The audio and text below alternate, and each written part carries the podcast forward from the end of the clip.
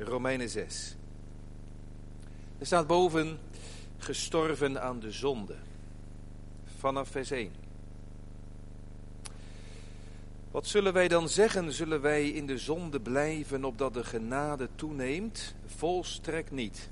Hoe zullen wij die aan de zonde gestorven zijn nog daarin leven? Of weet u niet dat wij allen die in Christus Jezus gedoopt zijn, in zijn dood gedoopt zijn? Wij zijn dan met hem begraven door de doop in de dood, opdat evenals Christus uit de doden is opgewekt tot de heerlijkheid van de Vader, zo ook wij in een nieuw leven zouden wandelen. Want als wij met hem één plant zijn geworden, gelijk gemaakt aan hem in zijn dood, dan zullen wij ook aan hem gelijk zijn in zijn opstanding. Dit weten wij toch dat onze oude mens met hem gekruisigd is, opdat het lichaam van de zonde teniet gedaan zou worden en wij niet meer als slaaf de zonde zouden dienen. Want wie gestorven is, is rechtens vrij van de zonde. Als wij nu met Christus gestorven zijn, geloven wij dat wij ook met hem zullen leven. Wij weten toch dat Christus, nu hij is opgewekt uit de doden, niet meer sterft. De dood heerst niet meer over hem. Want wat zijn sterven betreft, is hij eens en voor altijd voor de zonde gestorven. En wat zijn leven betreft, leeft hij voor God. Zo dient ook u uzelf te rekenen als dood voor de zonde, maar levend voor God in Christus Jezus onze Heer. Laat de zonde dan niet in uw sterfelijk lichaam regeren, om aan de begeerte daarvan te gehoorzamen. En stel uw leden niet ter beschikking aan de zonde als wapens van ongerechtigheid, maar stel uzelf ter beschikking aan God, als mensen die uit de doden levend geworden zijn, en laat uw leden wapens van gerechtigheid zijn voor God. Want de zonde zal over u niet heersen, u bent namelijk niet onder de wet, maar onder de genade. Tot zover de schriftlezing. Hier kom ik in de preek op terug. De tekst voor de preek vindt u in 2 Korinthe 5. 2 Korinthe 5. En daarvan vers 17. Die zullen we met elkaar nog lezen. 2 Korinthe 5 vers 17. En daar lezen wij, daarom, als iemand in Christus is, is hij een nieuwe schepping. Het oude is voorbij gegaan, zie, alles is nieuw geworden. Tot zover. De Heer Jezus vroeg eens aan zijn discipelen, wie zeggen de mensen dat ik de zoon des mensen ben? En de discipelen zeiden, nou sommigen zeggen dat u eh, wel op Jeremia lijkt of Johannes de Doper. En toen vroeg de Heer Jezus aan Petrus, maar jij, wie zeg jij nou dat ik ben? En toen gaf Petrus antwoord, u bent de Christus, de Zoon van de levende God. Vanmiddag wil ik het omdraaien. Niet wie zeggen wij dat hij is, maar wie zegt hij nou dat jij bent? Wie zegt God dat jij bent? Wie ben ik eigenlijk? Niet wie is hij, maar wie ben ik? Nou, dat zet ik boven de preek. Wie zegt God dat jij bent? Drie gedachten. Wie ben ik zonder Christus? De tweede gedachte, wie ben ik in Christus? Onze tekst 2 Korinthe 5 vers 17 zegt, als iemand in Christus is, dan is hij een nieuwe schepping. Dat wil zeggen, het oude is voorbij, het nieuwe is gekomen. En de derde gedachte, als we daar nog tijd voor hebben, waarschijnlijk niet. Dat is door. Wie ben ik door Christus? Ik heb nog één Bijbels ballonnetje wat ik wil oplaten vanmiddag. Nog één pijl op mijn boog voordat we vertrekken. En dat is, ik wil met u eens gaan nadenken. Vanavond een beetje bijbelstudieachtig. Wat is nou je christelijke identiteit? Nou, ik ben benieuwd. Ik heb wat meegenomen, kinderen, voor jullie. Wat is dit? Een paspoort. En als ik dat paspoort open doe, dan, uh, nou, ik heb er willekeurig eentje gepakt. Het is toevallig eentje van mijn vrouw. En dan, uh, wat zie ik daar? Nederlandse staat erop. En haar doopnaam. En uh, haar geboorteplaats. Of ze een vrouw is. En ook de mansnaam, echtgenoot van, van Kampen. Dit is je idee. Je paspoort is je, ja, je identiteitsbewijs. Wilt u uw identiteitsbewijs meenemen? Vragen er wel eens. Nou, dan neem je paspoort mee, je rijbewijs, een ID-kaart of digitaal een DigiD. Je ziet het ook op de zondagsbrief staan, een paspoort. Daar staat je naam in en wie je bent. Maar ja, wie ben je nou eigenlijk? Wat is identiteit? Heeft met je zelfbeeld te maken, met je eigen waarde, je persoonlijkheid. Zegt de Bijbel daar wat over? Ik begin met een verhaal, het is echt gebeurd. Wie is nu de huidige premier van Engeland? Premier May. Jaren geleden had je Margaret Thatcher, de Iron Lady. En uh, er gaat een verhaal dat zij uh, op werkbezoek was en ze ging naar een bejaardentehuis. En uh, daar ging ze de kamers af en de oude mensen af. En op een gegeven moment was er een oudere dame die had niet door dat het de premier van Engeland, van de UK was. En Margaret Thatcher die buigt zich naar die vrouw en die zegt, weet u wie ik ben? En dan zegt dat oude vrouwtje, nee schat. Maar als ik jou was, zou ik het even aan de verpleegster vragen, die weet dat meestal wel. Wie ben ik? Als je aan het dementeren bent, dan ben je dat kwijt. Dan weet je, kan je dat ook niet meer allemaal op een rijtje zetten.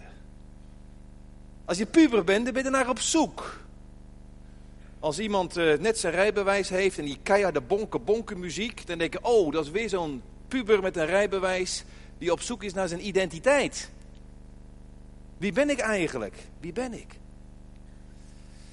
En dat is een lastige vraag om te beantwoorden. En vroeg is iemand aan een vrouw, wie ben jij? En ze antwoordde, ik ben de vrouw van de burgemeester. Toen antwoordde die persoon die dat vroeg, ik vraag niet wie echtgenoot je bent, ik vraag wie jij bent. Toen zei ze, nou ik ben moeder van vier kinderen. Ik zeg, nee, ik vraag ook niet wiens moeder je bent, maar ik vraag wie jij bent. Als ik kreeg het een beetje warm. Hij zegt, ik ben onderwijzeres. Nee, ik vraag niet naar je beroep. Ik vraag, wie ben jij? Ja, ik zit in de PKN. Nee, ik vraag niet naar je kerkgenootschap. Wie ben jij? Ja, ik doe elke vrijdagmiddag, dan help ik bij de voedsel. Maar ik vraag niet wat jij doet. Ik vraag, wie ben jij? Nou, op een gegeven moment zat, wist het niet meer. Ik, ik weet het niet. Na enige seconden van stilte zei ze, ja, ik, ja, ik ben, ik ben, punt uit. Ik ben die ik ben.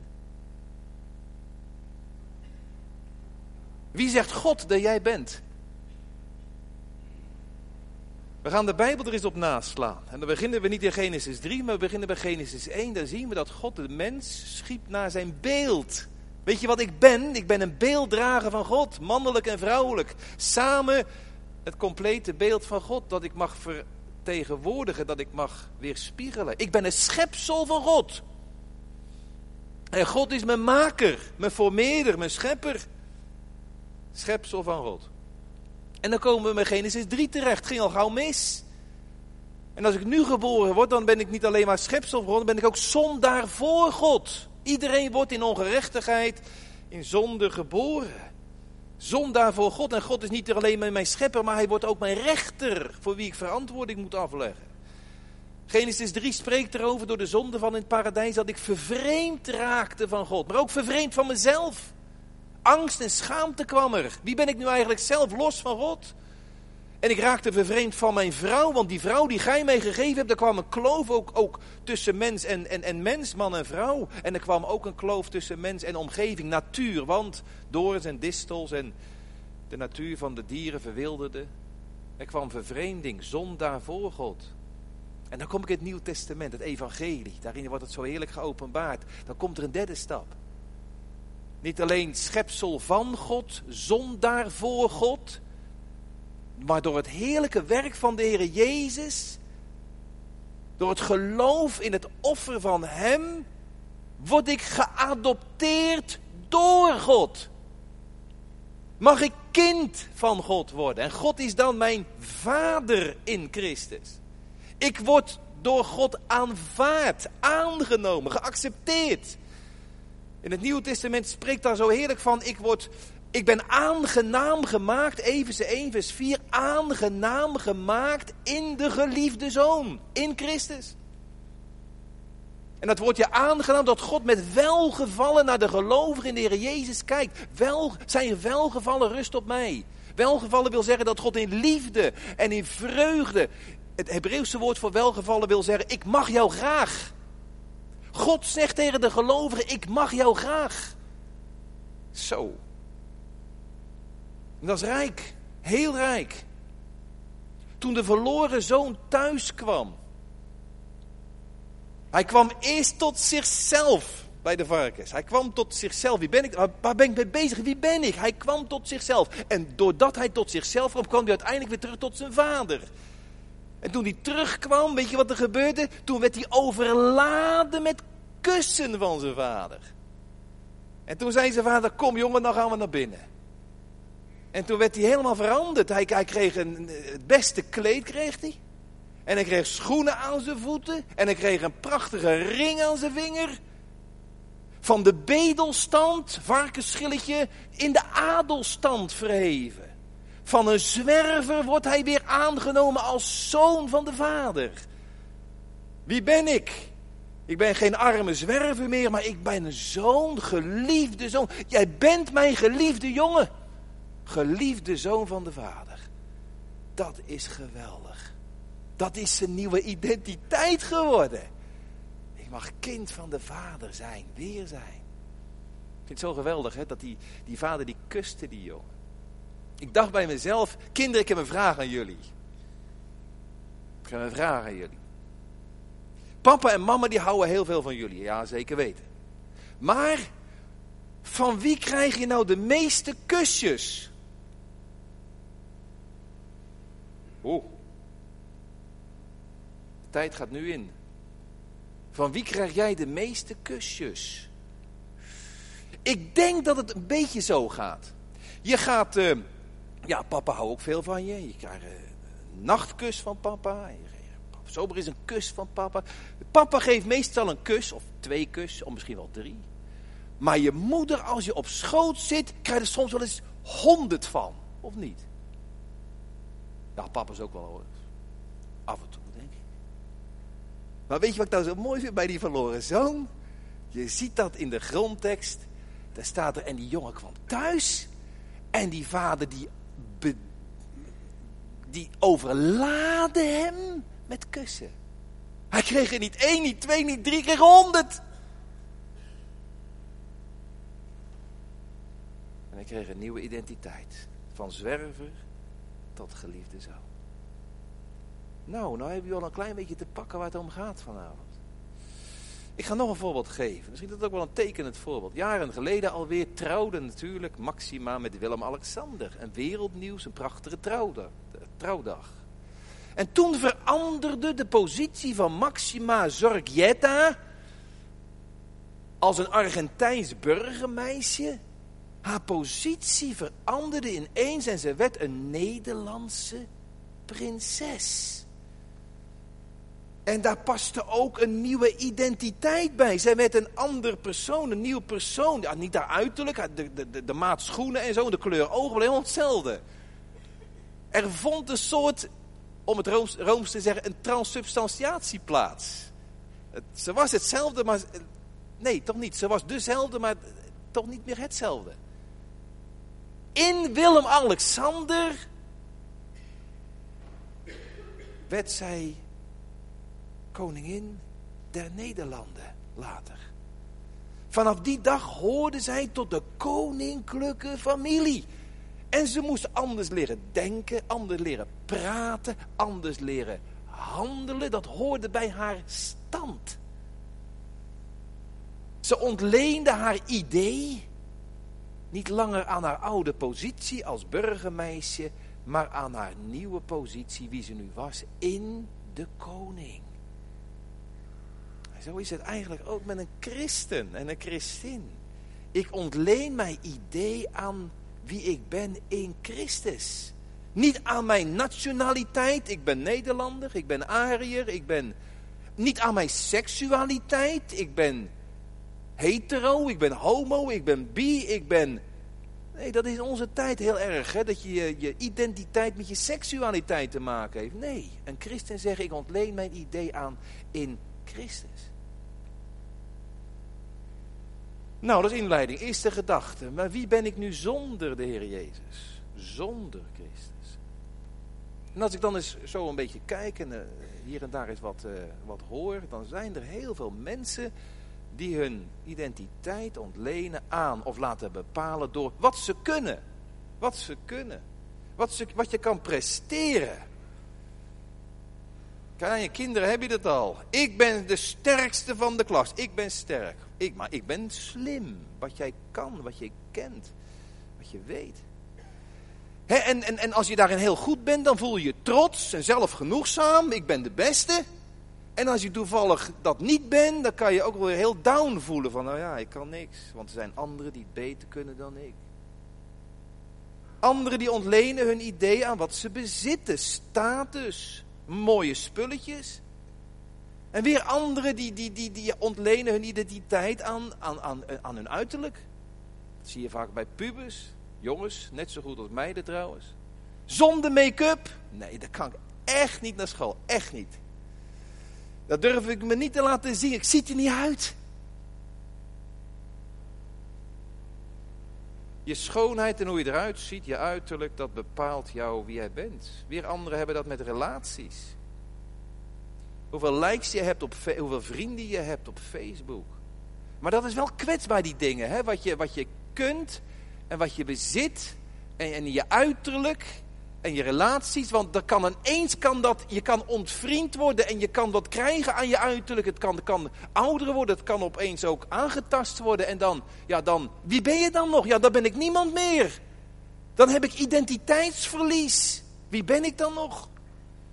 Er zijn mensen die, die, die zich hun identiteit laten bepalen door wat anderen over, over hen zeggen. Ik vind dat jij bent, puntje, puntje, puntje. Nou, en als dat positief is, dan, dan, groei je. En als het negatief is, ja, dan, uh, dan voel je jezelf een, uh, een loser. En dat zit heel diep hoor. Gaat het bijvoorbeeld over een beroep. Er zijn mensen die, die alles zetten op hun beroep.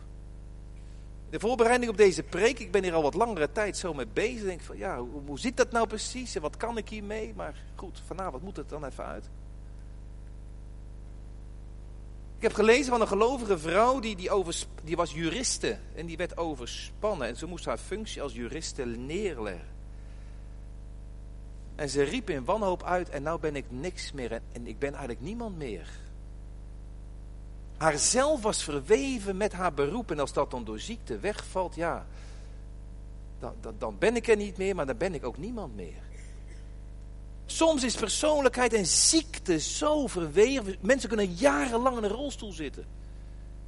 En dan, zeg je, dan zeggen ze op een gegeven moment, ja die rolstoel hoort bij jou gewoon. Zo, zo voelt dat ook. En dan zeg je, wie ben jij? Nou, ik ben ziek. Nee, je bent niet ziek, jij bent huppel de pup. En je hebt een ziekte, maar je bent niet ziek.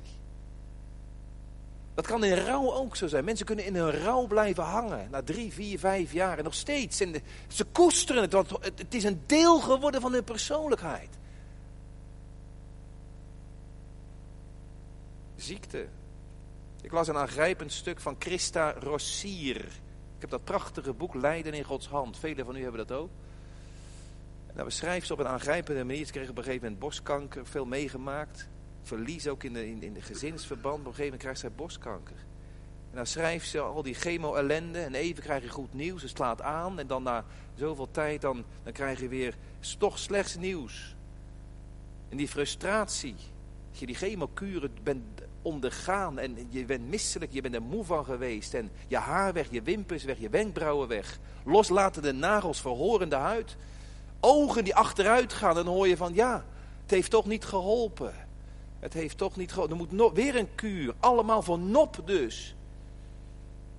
En dan schrijft ze zo, er was een borst geamputeerd. Ze zegt, die ene borst, die ene borst die er, nog, die er nog is, die is nog eenzamer. En ik zie de littekenen. Ik zie de littekenen. Voor de derde keer moest ik naar het ziekenhuis in één week tijd. En voor de zoveelste keer moest ik mijn gehavende bovenlijf laten zien. Ik voelde de tranen opkomen. En dan zegt ze dit, als je niet oppast, dan wordt borstkankerpatiënt je nieuwe identiteit. Wat ben jij? Ik ben ongeneeslijk ziek.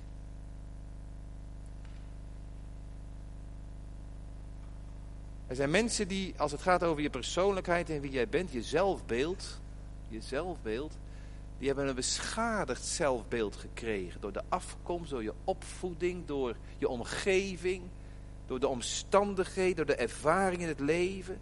Je zelfbeeld is verwrongen geraakt door gebrek aan liefde. De mensen die daar enorm mee tobben, ook in de Maranatha, die meeluisteren, meekijken. Gebrek aan liefde, gebrek aan waardering. Door huiselijk geweld, misbruik, afwijzing. Als je op het laatst van je leven, als je moeder gaat sterven en nog, nog, nog zelfs dan geen kus krijgt van je. Er zijn kinderen die nooit een kus van hun moeder hebben gekregen. Dat is verschrikkelijk. Ik kan me niet herinneren dat mijn moeder me ooit geknuffeld heeft. Dat is verschrikkelijk als je dat meemaakt. Dat doet wat met je. Met je persoonlijkheid ook. Ik voel me waardeloos. Ik deed er niet toe. Ik had er eigenlijk niet moeten wezen. Ik was een ongelukje. Ik was niet belangrijk. Mijn zussen wel, want die, die waren knapper, die, waren, die wisten meer.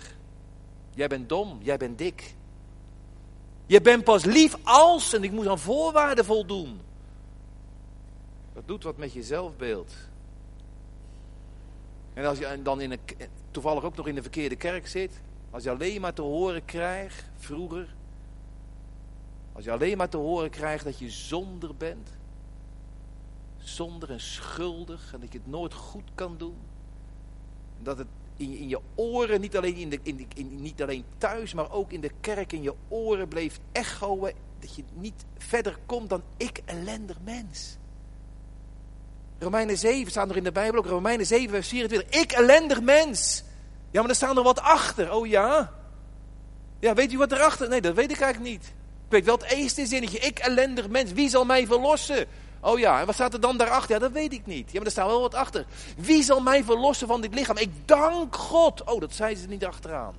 Ik dank God door Christus Jezus onze Heer. Er gebeurt er wat. Dat is een leugen hoor. Als je maar de halve waarheid te horen krijgt, dat is een leugen. Als broers en zussen of ouders of leerkrachten of klasgenoten. Ja, hebben weggezet, afgewezen. Identiteit. Zonder Christus. Ik ga er nog even wat op door. Hoe kom ik hier aan? Nou, ik, ik, ik, heb, ik heb gelezen.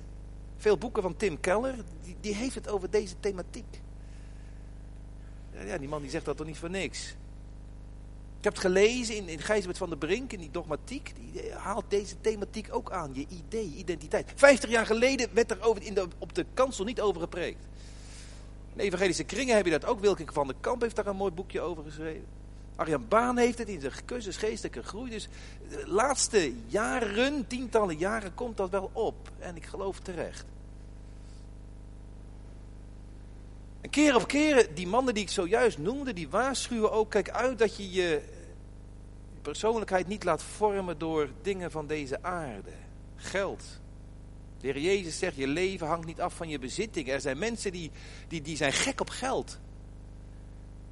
Die groeien pas, die voelen zich pas gewaardeerd als ze goed verdienen. En als dat niet zo is, dan ben je ontevreden, heb je problemen. En als dan de beurs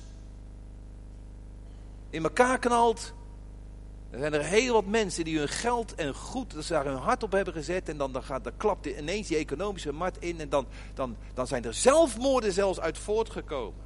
Want dan ben ik niks meer. Dan heb ik niks meer, dus ik ben niks meer. Je ziet het bij mensen met prestatiedrang. Dwang zelfs. En nu zijn de...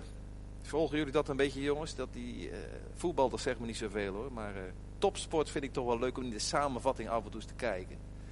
En als je dan die Hollanders ziet, die kunnen toch schaatsen op die Noorij. Die kunnen toch schaatsen. Nou, nou, nou. En dan denk je, ja, wat moet je daarvoor afbeulen? Wat een discipline, wat een controle van je body. En dan, en dan voor die 100 meter, voor die 5 of die 3 kilometer. En je gaat er helemaal voor. En desnoods gebruik je, gebruik je uh, opwekkende middelen. Doping, je gebruikt het. Want je moet die eerste, als je dat niet bent, kan je niet begrijpen. Als je dan niet nummer 1, maar je wordt nummer 2, dan ben je zo ontzettend, voel je je zo gefrustreerd. Want ik ben niet nummer 1 van de wereld, maar nummer 2. Dat heb ik nooit kunnen begrijpen. Het is geweldig dat je nummer 2 bent. Nee, ik ga voor nummer 1. Als dat niet is, dan ben ik niet tevreden. Mijn identiteit hangt af van winnen. Opgaan, blinken. En dan komt er altijd weer iemand, want je wordt ouder, die het dan net weer beter kan. En dan, nou, dan word je afgeserveerd. En dan, ja, dan ben ik niks meer. Dat kan met sport, dat kan met schoonheid en gezondheid. Dat kan ook een, een, een identiteit worden. Het kan met goedkeuring. Bij jongeren zie je dat vaak.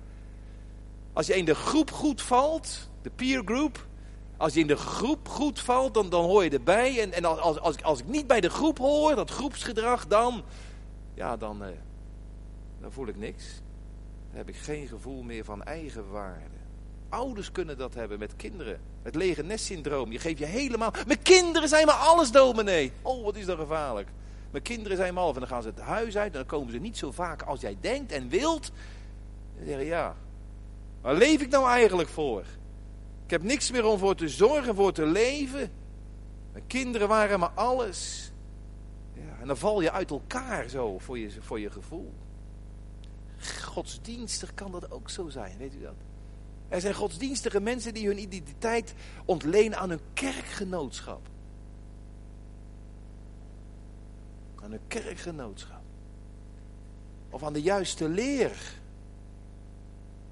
van de juiste manier van kerkbeleving, van de juiste, juiste gedragscode. En als dat niet zo is, dan, ja, dan is die ander altijd slechter. We hebben daar zelfs een heel waardeloos spreekwoord aan overgehouden. We zijn niet beter, maar we doen beter. Wat is dat voor een belachelijke zin?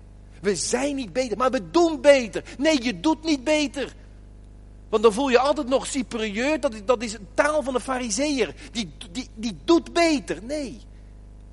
Hij doet niet beter en hij was niet beter. Hij was een hoogmoedig persoon, dat was hij. En daardoor is ook zijn betere doen veroordeeld tot, tot, tot, tot verdorven vrucht, omdat er hoogmoed doorheen zat. Je vergelijkt jezelf met anderen om je eigen zelfbeeld op te kreken. Dan doe jij het goed. Als dominee is dat ook een gevaar. Ik heb wel eens zitten bedenken, misschien dan een rare gedachte. Ja, stel je voor dat het nou brand uitbreekt, dat al mijn preken in de fik gaan. Wie ben ik dan nog? Wie ben ik dan nog? Moet er niet aan denken. Moet er niet aan denken. Maar, maar, hangt dat nou af van, van al die preken die ik gehouden heb? Of weet ik me nou, als nou alles, alles me ontvalt? Of weet ik me dan toch door God geliefd in de Heer Jezus? is dat me meer waard dan een goede dominee, een goede spreker en een goede pastor zijn. En als er dan kritiek komt, leg ik helemaal overhoop. ach, ik wil graag een goede dominee zijn en blijven hier. En onbewust, dan zit je toch je identiteit een beetje... Wie bent u? Ik ben dominee van Kampen. Nee, ik ben gewoon Ruud. Dat ben ik. Ik ben Ruud. En dominee is mijn beroep. Maar dat is niet mijn identiteit. En Rinauwe heeft er ook mooie dingen over gezegd. Wij zijn geneigd te denken dat we zijn wat we doen. Dat we zijn wat een ander over ons zegt. Mijn buren, mijn collega, mijn vrienden. We zijn geneigd te denken dat we zijn wat we bezitten. Maar het is een leugen. Een leugen. Want dan moet ik steeds maar presteren, doen, iets hebben of opvallen om dan toch weer de aandacht van anderen te trekken. Nou, dat is zonder Christus. Nu, tweede gedachte. Wie ben ik in Christus? En dan kom ik op een tekst. Daarom als iemand in Christus is, hij is een nieuwe schepping. Dat is de waarheid. Dat is de waarheid in Christus. Wie in Christus is. En die uitdrukking in Christus, dat is een geweldig kernwoord in het hele Nieuwe Testament. In de brieven van Paulus. Dat staat meer dan 200 keer in de brieven van Paulus. In Christus. Dat is een waarheid die niet in het Oude Testament geopenbaard is. Vandaar dat ik moeite had om psalmen bij mijn, deze, dienst, deze middagdienst te zoeken. Omdat het niet zo hoog komt. Dit is een Nieuw-Testamentische waarheid. In Christus, die in het Nieuw Testament ontvouwd wordt. Ben ik? Ja, nou dat, is de tweede gedachte. Een kernwoord. Dat God de gelovigen op grond van het offer van de Heer Jezus, dat de Heere God mij aanvaardt, accepteert, adopteert, bemint, lief heeft. Los van wat ik doe, wat ik bezit, wat mensen over me zeggen. Of wat ik presteer. Nou, die waarheid die moet even diep zakken. Weet je wat religie, het verschil tussen religie en evangelie? Religie, godsdienst, dat is, ik gehoorzaam de Heere God en dan hoop ik straks dat Hij mij binnen zal laten. Ik gehoorzaam God en ik hoop dat Hij dan mij accepteert. Maar het evangelie is precies andersom. God aanvaardt, accepteert mij om Christ, om wat Hij gedaan heeft. En daarom gehoorzaam ik Hem uit dankbaarheid, uit liefde. Maar niet om punten te scoren, om wat te verdienen. Weet je wat het christelijk evangelie, wat de waarheid van het evangelie is? Dat ik uit mezelf zo slecht ben. Dat de Heer Jezus voor mij moest sterven om mij te verlossen. Maar de andere kant is ook waar. Dat ik zo geliefd en waardevol ben. Dat de Heer Jezus graag, graag wilde komen om mij te verlossen. En als je dat laat zakken in je hart, als dat als dat doorklinkt, dan zie je dat het evangelie maakt aan de ene kant nederig. Van ach, wie ben ik? Hij moest voor mij lijden. Maar het maakt me ook, ja, dat ik mezelf aanvaard weet door God. Het geeft mij vol vertrouwen, geeft me een positief beeld over mezelf, want God mint ook mij. Te weten, Jezus mint ook mij, is mij meer dan alles waar. Die mij heeft lief gehad, mij en zich voor mij heeft overgegeven. Of was ik de enige persoon op de wereld, was u, Heer Jezus, voor mij uit die hemel gekomen om mij te redden. Ben ik nou zo belangrijk voor u? Dan zegt de Heer, ja, ja, zegt hij dan. Dat heerlijke evangelie zorgt ervoor dat ik niet met een trotse nek een ander, hoger, me, ander mezelf hoger voel dan een ander. Het evangelie ondermijnt die trotse nek, dat hoogmoedige gevoel. We doen beter. Maar het evangelie ondermijnt ook de gebogen rug. Je ik ellendig mens, en je nou altijd, nee, ik, ik, ik, ik mag me aangenaam weten, gemaakt door de geliefde zoon voor God de Vader. Ik kan me nooit superieur voelen boven een ander. En tegelijkertijd hoef ik me ook niet te bewijzen voor God. Ja, ik heb het idee dat ik daar iets meer ben van, van, van gaan zien de laatste tijd. Hoe heerlijk dit evangelie is. Dit is, het, dit is de waarheid van het christelijk van het evangelie van Christus. Het geeft me identiteit, het geeft me eigenwaarde, het geeft me een positief zelfbeeld. Het maakt me nederig en ik weet me geliefd door God om Jezus wil. Aanvaard, onvoorwaardelijk. Gods waardering voor mij in Christus. Los van wat ik voor hem doe. Want dan ben ik hooguit een slaaf. Wat ik voor hem doe, nee, dat telt niet. Maar op grond van het werk van de Heer Jezus weet, weet ik me veel meer geliefd dan ik ooit durf te hopen. En toch is zo. In Christus. Die uitdrukking in Christus ga ik nog wat uh, verdiepend uitwerken. Uh, wij hebben op de Torah-kring zijn wij bezig geweest met de offers in Leviticus. En een van de prachtige dingen bij het offer. Je hebt twee soorten offers. Je hebt een zondoffer en een brandoffer. Het zondoffer was om je zonde te vergeven, om je zonde weg te doen. Dat is de negatieve kant van het offer van Christus. Hij is gekomen onze zonde weg te doen. Maar het brandoffer is de positieve kant van het werk van de Heer Jezus. Om mij aangenaam, om mij te adopteren, om mij een kind van God van mij te maken. Dat is positief. En dan staat er dat de, die zondoffers werden gebracht, de, de, runderen werden geslacht. En dat de huid van die runderen, die, die, die was voor de priesters. Die huid, daar maakten ze dan jassen van. En dan mochten ze die huid van het offer dat voor jou werd opgeofferd. Ze mochten zich daar een jas van maken. En dan waren ze als het ware gehuld in de huid van het offer. En dan staat er door die huid van dat brandoffer dat geofferd is, waren ze aangenaam, goden tot een lieflijke reuk in Jezus mantel gehuld, heb ik een bedekking van mijn schuld. Als God dan naar mij kijkt, dan ziet hij als het ware de huid van het lammetje om me heen. En in Christus, in die huid, daar zit ik. En hij ziet mij, we hebben gezongen en we gaan zingen. Hij ziet in Christus ons altijd genadig aan. Genadig met welgevallen, in liefde. Ik mag jou graag om, om Jezus wil. De huid van Jezus. De huid van het lam om mij heen. Chinezen zijn er nu niet, anders zou ik eens aan hen kunnen vragen, die Chinese broeders en zusters. Maar ik heb, me laten, ik heb gelezen dat het Chinese woord voor rechtvaardig is het woordje i. En dat schrijf je, Chinese schrijf je met karaktertekens. Hè? Het woordje rechtvaardig in, in de Chinese taal, dat zijn twee karaktertekens door elkaar. Het onderste karakterteken is het teken van ik. Dan zie je een hand en een speer, een wapen. Nou, dat is ik, gewelddadig, ik, zondig ik. En het bovenste gedeelte van het karakterteken zie je een, een lam.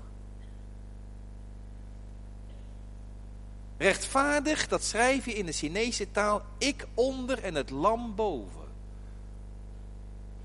Ik ben rechtvaardig in Christus, het lam van God. Prachtig. En Chinees schrijven van boven naar beneden. Eerst het bovenste karakterteken, dan het onderste karakterteken. God vanuit de hemel, die kijkt van boven en hij ziet eerst het lam. En onder het lam ziet hij mij, bedekt door het bloed van het lam. En zo ziet hij mij altijd in hem rechtvaardig, genadig aan. Dat is van christen zijn. Dat is geweldig mooi. Ik wil met u één tekst lezen. Ik kan dat een tekst uit het Oude Testament. Job 36. Zoekt u dat eens op. Job 36. Job 36.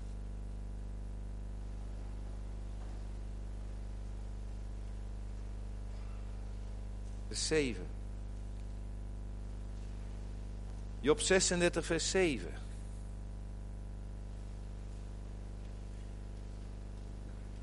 Wat een geweldige tekst. Daar staat dit. God trekt zijn ogen niet af van de rechtvaardigen.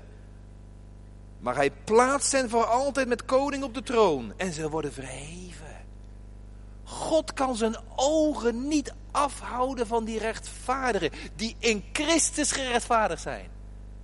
Zijn oog slaat hen in liefde gadig. Hij, hij, hij, hij, hij blijft er naar kijken vanuit de hemel. En hij heft ze op. En hij zet ze naast prinsen en wereldgroot. Ze worden verheven op de troon. Prachtige tekst. Ik word bekleed met het lamsvel van het lam van God. En zo, zo ben ik voor God geliefd en aangenaam. Ja. Jongens, ik ga, kinderen, ik ga jullie nog een verhaaltje vertellen. Dat, dat gebeurde vroeger echt. Onthouden. Kinderen, ik wil nu even dat je naar me kijkt en luistert.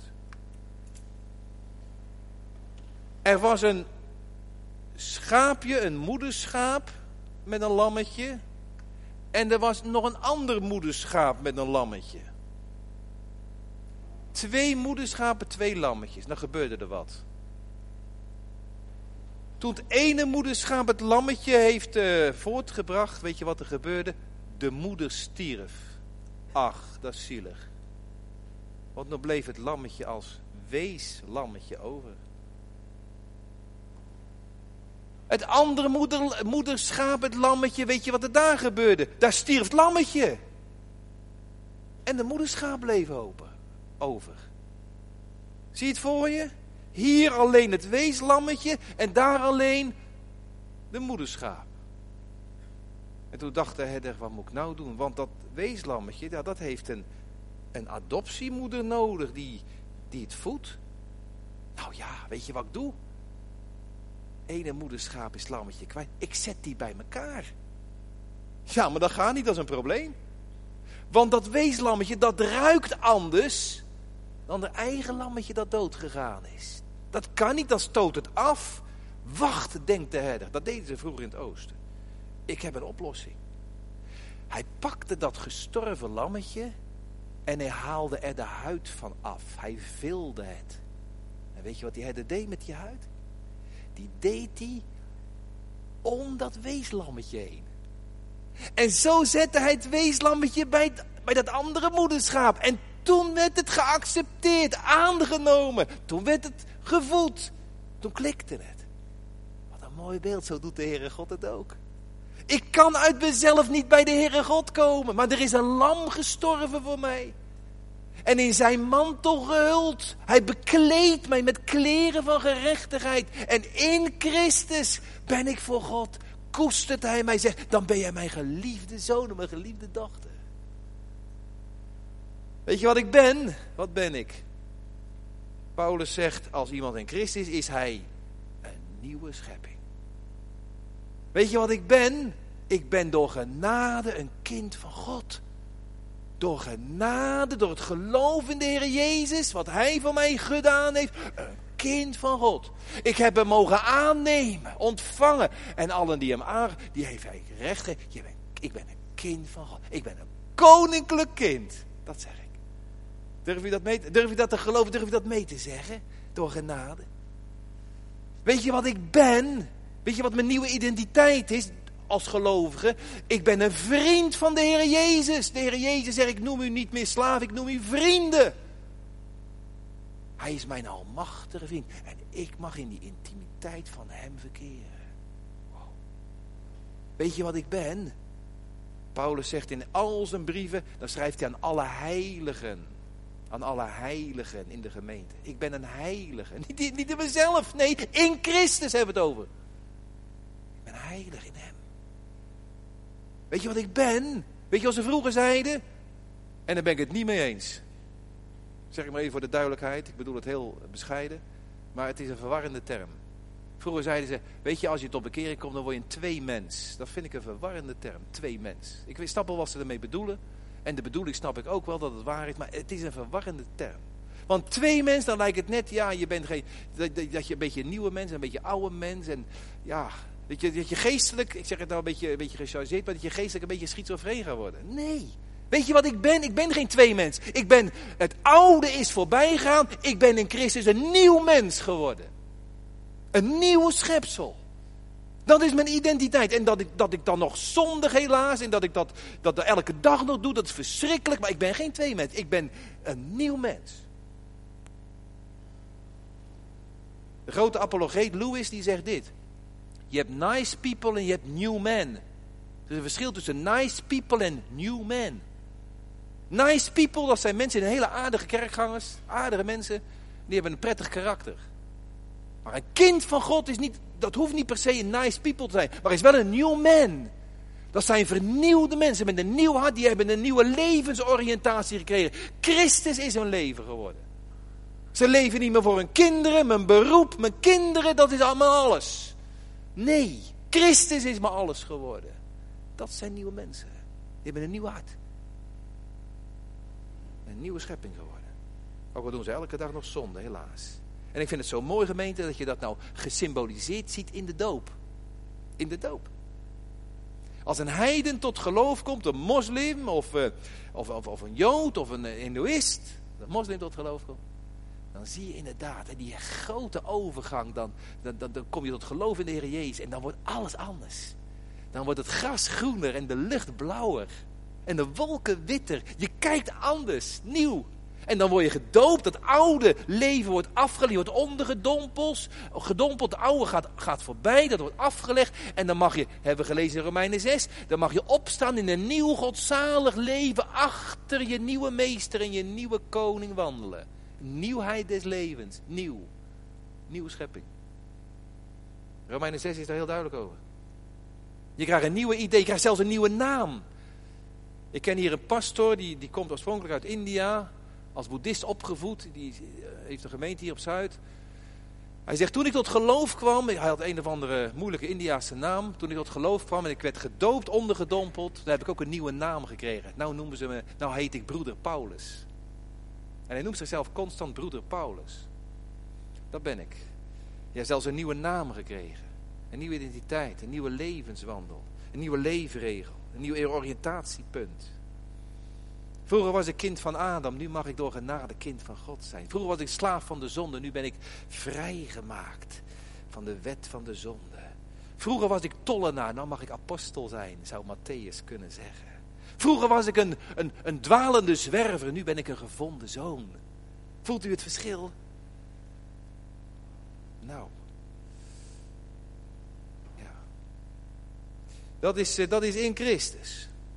Georiënteerd op Hem. Nou, nou heb ik nog, uh, ja, ik ga afronden.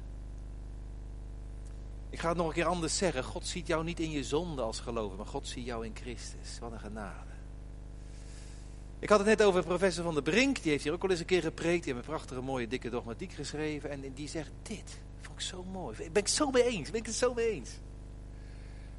Hij zegt de rechtvaardiging. Wij hebben het zo vaak gehad over de rechtvaardiging van de goddelozen. En ik heb altijd het gevoel gehad, het is het net niet helemaal. De rechtvaardiging van de goddelozen hebben wij heel vaak ingevuld in onze kringen. Als, ja, vrijspraak. Vrijspraak. Je wordt vrij, vergeven, schuld. Vergeving, je, je schuld wordt vergeven, je straf is door een ander gedragen. Dat noemen wij rechtvaardiging. Maar rechtvaardiging is meer, meer. De Brink zegt, rechtvaardiging is niet alleen dat wij, dat er wat wordt weggedaan, die is negatief, de, de zonde wordt weggedaan, vergeving, het zondofferaspect, maar het is ook positief, brandofferaspect. Dat ik word voor God weer op mijn benen gezet. Ik word dan niet alleen in de rechtbank vrijgesproken, maar ik word volledig gerehabiliteerd. En dan zegt hij, Tim Keller, die heeft het begrip rechtvaardiging, dat klopt. Hij heeft die, dat begrip rechtvaardiging doorvertaald in termen van wat nou je ware identiteit in Christus is. Ja, even over nadenken. Ja, maar ik snap hem. Net als dat Chinese teken in Christus. Rechtvaardig. Vergeven. Zoon van God. Kind van God. Dochter. Geliefde dochter van de hemelse vader. Dat is meer dan alleen maar dat mijn zonden worden weggedaan. En mijn schuld wordt betaald. Nee. Ik krijg een, een, een, een nieuwe persoonlijkheid. Ik, ik, ik mag er zijn voor God. Wie ben ik? Wie ben ik? Daar begon ik mee. Nou, de antwoord op die vraag zou ik zeggen: Wiens ben ik? Ik ben van Hem. Ik ben van Jezus. Ik ben van God. Ik leef niet meer. Galaten 2. Ik, mijn ik, mijn oude ik. Ik leef niet meer. Christus leeft in mij. Mijn ego is niet weg. Mijn ego is niet meer opgeblazen. Mijn dikke ik. Mijn ego is opgevuld door een ander.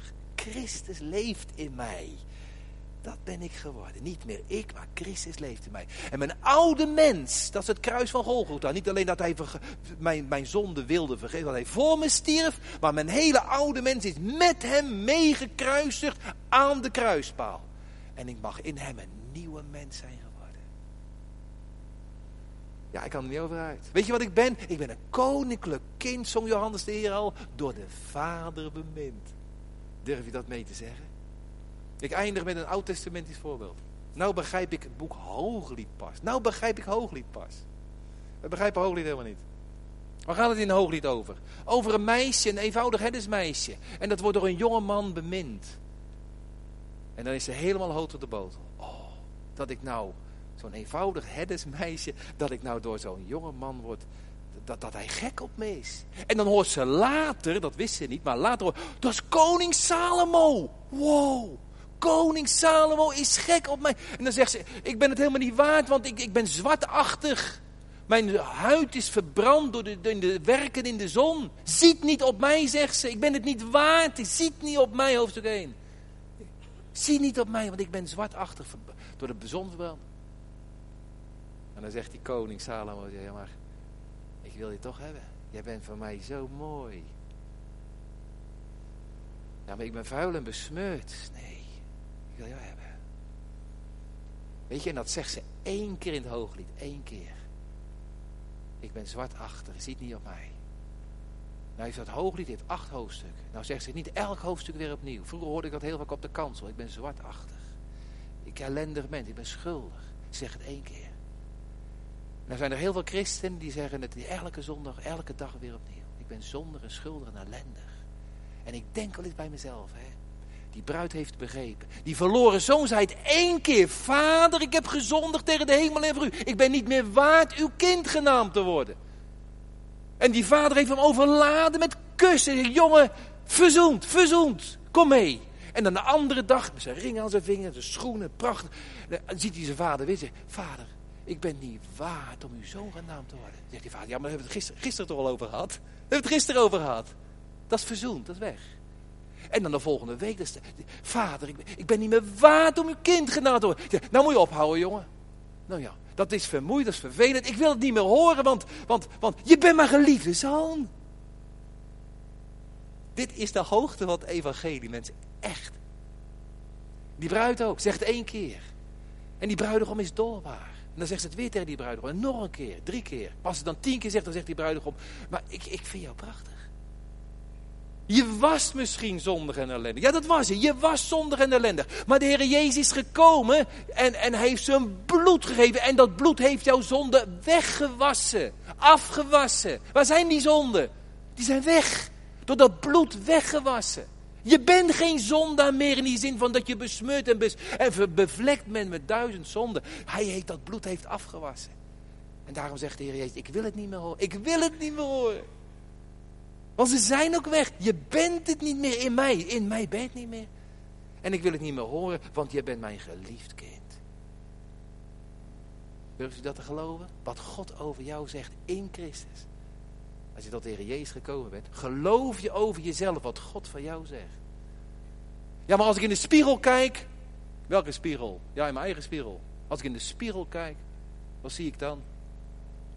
Dan zie ik een, een jongen, een meisje. Dan zie ik mezelf die elke dag fout doet. Elke dag fout. Ja, ja dat is waar. Misvormd door duizend zonden. Maar als je nou eens in Gods spiegel kijkt, het boek Hooglied gaat het niet alleen maar over dat de bruid de bruidegom bewondert. Maar liefst is blank en rood, het braagt de banier boven 10.000. Ja, dat, dat, zijn teksten die spreken we met de avondmaal over. Dan gaat het over de Heer Jezus, de bruidegom. Maar andersom zie je dat de bruid de schoonheid, de bruidegom de schoonheid van de bruid beschrijft. Uitgebreid. Hé, hey, dat snap ik niet. Want die bruid is toch, ja, maar die is afgewezen, die gereinigd. In Gods oog, in de ogen van de bruidegom, is ze mooi gemaakt. Gewassen door het bloed en gezalfd door de Heilige Geest. Die zalving wil zeggen, ze ruikt lekker, ze ruikt lekker, de parfum van de Heilige Geest. Je bent mooi, mijn vriendin, mijn dochter, mijn schone. Kan dat niet begrijpen. In Christus wel. In Christus wel. In mijn eigen spiegel, ja, dan heb je gelijk. Mijn Gods spiegel portret wat hij in Christus van mij heeft. Oh, geweldig. Nou, ik zei het u al gemeente, de derde gedachte kom ik niet meer aan toe. Maar wel een stotgedachte. Is dit nou ideaal of is dat werkelijkheid? Als ik naar mezelf kijk, dan zeg ik ja. Als ik naar mijn ervaring kijk, maar is dat nou een meetlat? Als ik naar mijn ervaring kijk, ja, dan, dan kom ik misschien ook niet verder dan Romeinen 7. Ik ellendig mens, u wil mij verlossen. Dan kijk ik weer in de spiegel. Welke spiegel? Mijn eigen spiegel. Ja, ja, het ideaal dat je een nieuwe schepping bent, dat, dat zal pas in de hemel zo zijn. Ik weiger daaraan toe te geven. De maatstaven van het heiligdom zijn anders. Ik geloof dat dit al werkelijkheid kan zijn, nu al. Dat is ten diepste levensvernieuwing. Niet dat je nou perfect bent in je eigen oog, maar in zijn oog, om Jezus wil, is het anders. Is nou 2 Korinthe 5 realiteit of Romeinen 7 realiteit? Er is wat over gebakkeleid. Het kernwoord is in Christus. Wie komt tot Christus en wie blijft in Christus. Die mag groeien, bloeien. Ja. Dan wordt dat nieuwe leven toch niet volmaakt en perfect. Maar het wordt, in deze oude schepping wordt dat nieuwe leven toch al een klein beetje zichtbaar. Er is een verschil tussen de kerk en de wereld. Er is een verschil tussen de bruidsgemeente, tussen een kind van God, wederom geboren, met een nieuw hart, en iemand die dat niet heeft. Er is een verschil. Er komt iets van die nieuwe schepping in deze oude wereld openbaar, daar zorgt God voor. En daar zegt Paulus, die oude mens en die nieuwe mens. En die nieuwe schepping en de nieuwe, nieuwe inzichten. Hij, een goede boom brengt goede vrucht voor. God verandert mensen. En nou zegt de Heer, nou moet je in de praktijk, dit ben je in mij, maar in de praktijk moet je nu worden wat je bent. Vandaar dat je in de tweede helft van al de brieven van Paulus, hij is, zegt hij, zo is het, zo kijkt God tegen je aan. En in de tweede helft van zijn brieven zegt hij, en nou moet je ook zo gaan leven. In de gemeente, in je gezin, eh, ouders, kinderen, in je werk. Worden wat je bent. Heel praktisch. Vandaar dat hij al die vermaningen geeft van als nieuwe mensen je, de oude mens, je nieuwe mens ben je geworden. En wandelt dan het evangelie waardig. De vraag van vanavond was dit. Hoe ziet God jou? Hoe kijkt God naar jou? En durf je ook zo naar jezelf te kijken? Als je jezelf ziet, hoe zie je jezelf dan? En dan geloof ik echt dat het een heel groot verschil is of je jezelf nou niet anders ziet dan een, dan een bedelaar. Alsof je nou heel je leven daar bij die varkens hebt gezeten en zit. In je beleving. Als je jezelf nou altijd maar ziet als een bedelaar, als een zondaar. Het komt nooit verder. Weet het is echt waar. Wat je bent, wie je bent, bepaalt ook in hoge mate hoe je je gedraagt. Wie je bent, bepaalt in hoge mate hoe je je gedraagt. Als je zegt, ja, het komt eigenlijk nooit verder dan het was, niks, het is niks, zal ook nooit wat worden met mij. I'm a poor sinner, nothing at all. Ik ben een arme zonder, ik ben eigenlijk onwaardig, niets nut. Dan zal je ook nooit, dan blijf je altijd in de schaduw staan. Maar als je nou mag zeggen, door genade ben ik een kind van God. Ik ben een mak, dat burgermeisje, maar in Christus ben ik een prinses geworden. Zelfs koningin geworden. Dan ga je, dan ga je worden wie je in die ander bent. Ik eindig met een lied van Johannes de Heer. Ik ben een koninklijk kind. Niet slechts dienstknecht of vriend